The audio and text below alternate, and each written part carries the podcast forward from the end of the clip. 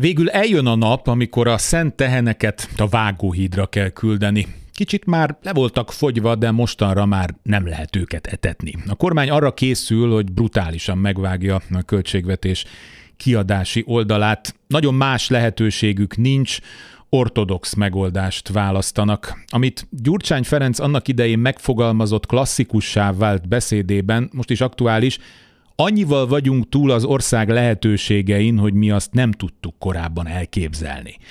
Talán Orbán Viktor is elmondja most ezt egy kormányülésen, amiről már régen nem készül, nem hogy hangfelvétel, de még szó szerinti jegyzőkönyv sem. A magyar közlönyben elrejtett határozat szerint az egészségügyi és oktatási, valamint lakhatási kiadások mellett a családtámogatásokat és különböző adókedvezményeket is felülvizsgálhatnak. Erre épült az elmúlt 13 év politikája. Nem emelünk adót és támogatjuk a családokat. Ez most megy a kukába. Persze mindezek már régóta erodálódtak, egyre kevesebbet értek, az adóterhek pedig csöndesen növekszenek, de a kommunikáció még a felszínen tartotta ezt az egészet. Nincs kétségem, a megszorítás is szépen be lesz csomagolva, itt nem lesz varga csomag. Amit a választások előtt kiosztottak adóvisszatérítésben, azt most nem hogy visszaszedik, de majd még kérnek is egy kicsit többet. Az infláció közben mindent felfal, ami megmarad.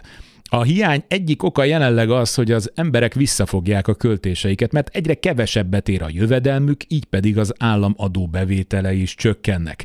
A forintot azt tartja jelenleg a felszínen, hogy Európában rekordmagas kamatot fizetünk a befektetőknek, ami szintén ezer milliárdokat visel. Ha mázlink van, ősszel jóval olcsóbban juthatunk energiához, mint tavaly, amikor a GDP 10%-át vitte el.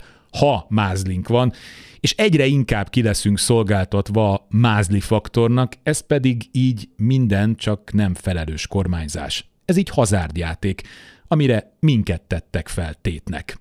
Kárpáti Iván vagyok, ez az Esti Gyors, a hírek után kezdünk.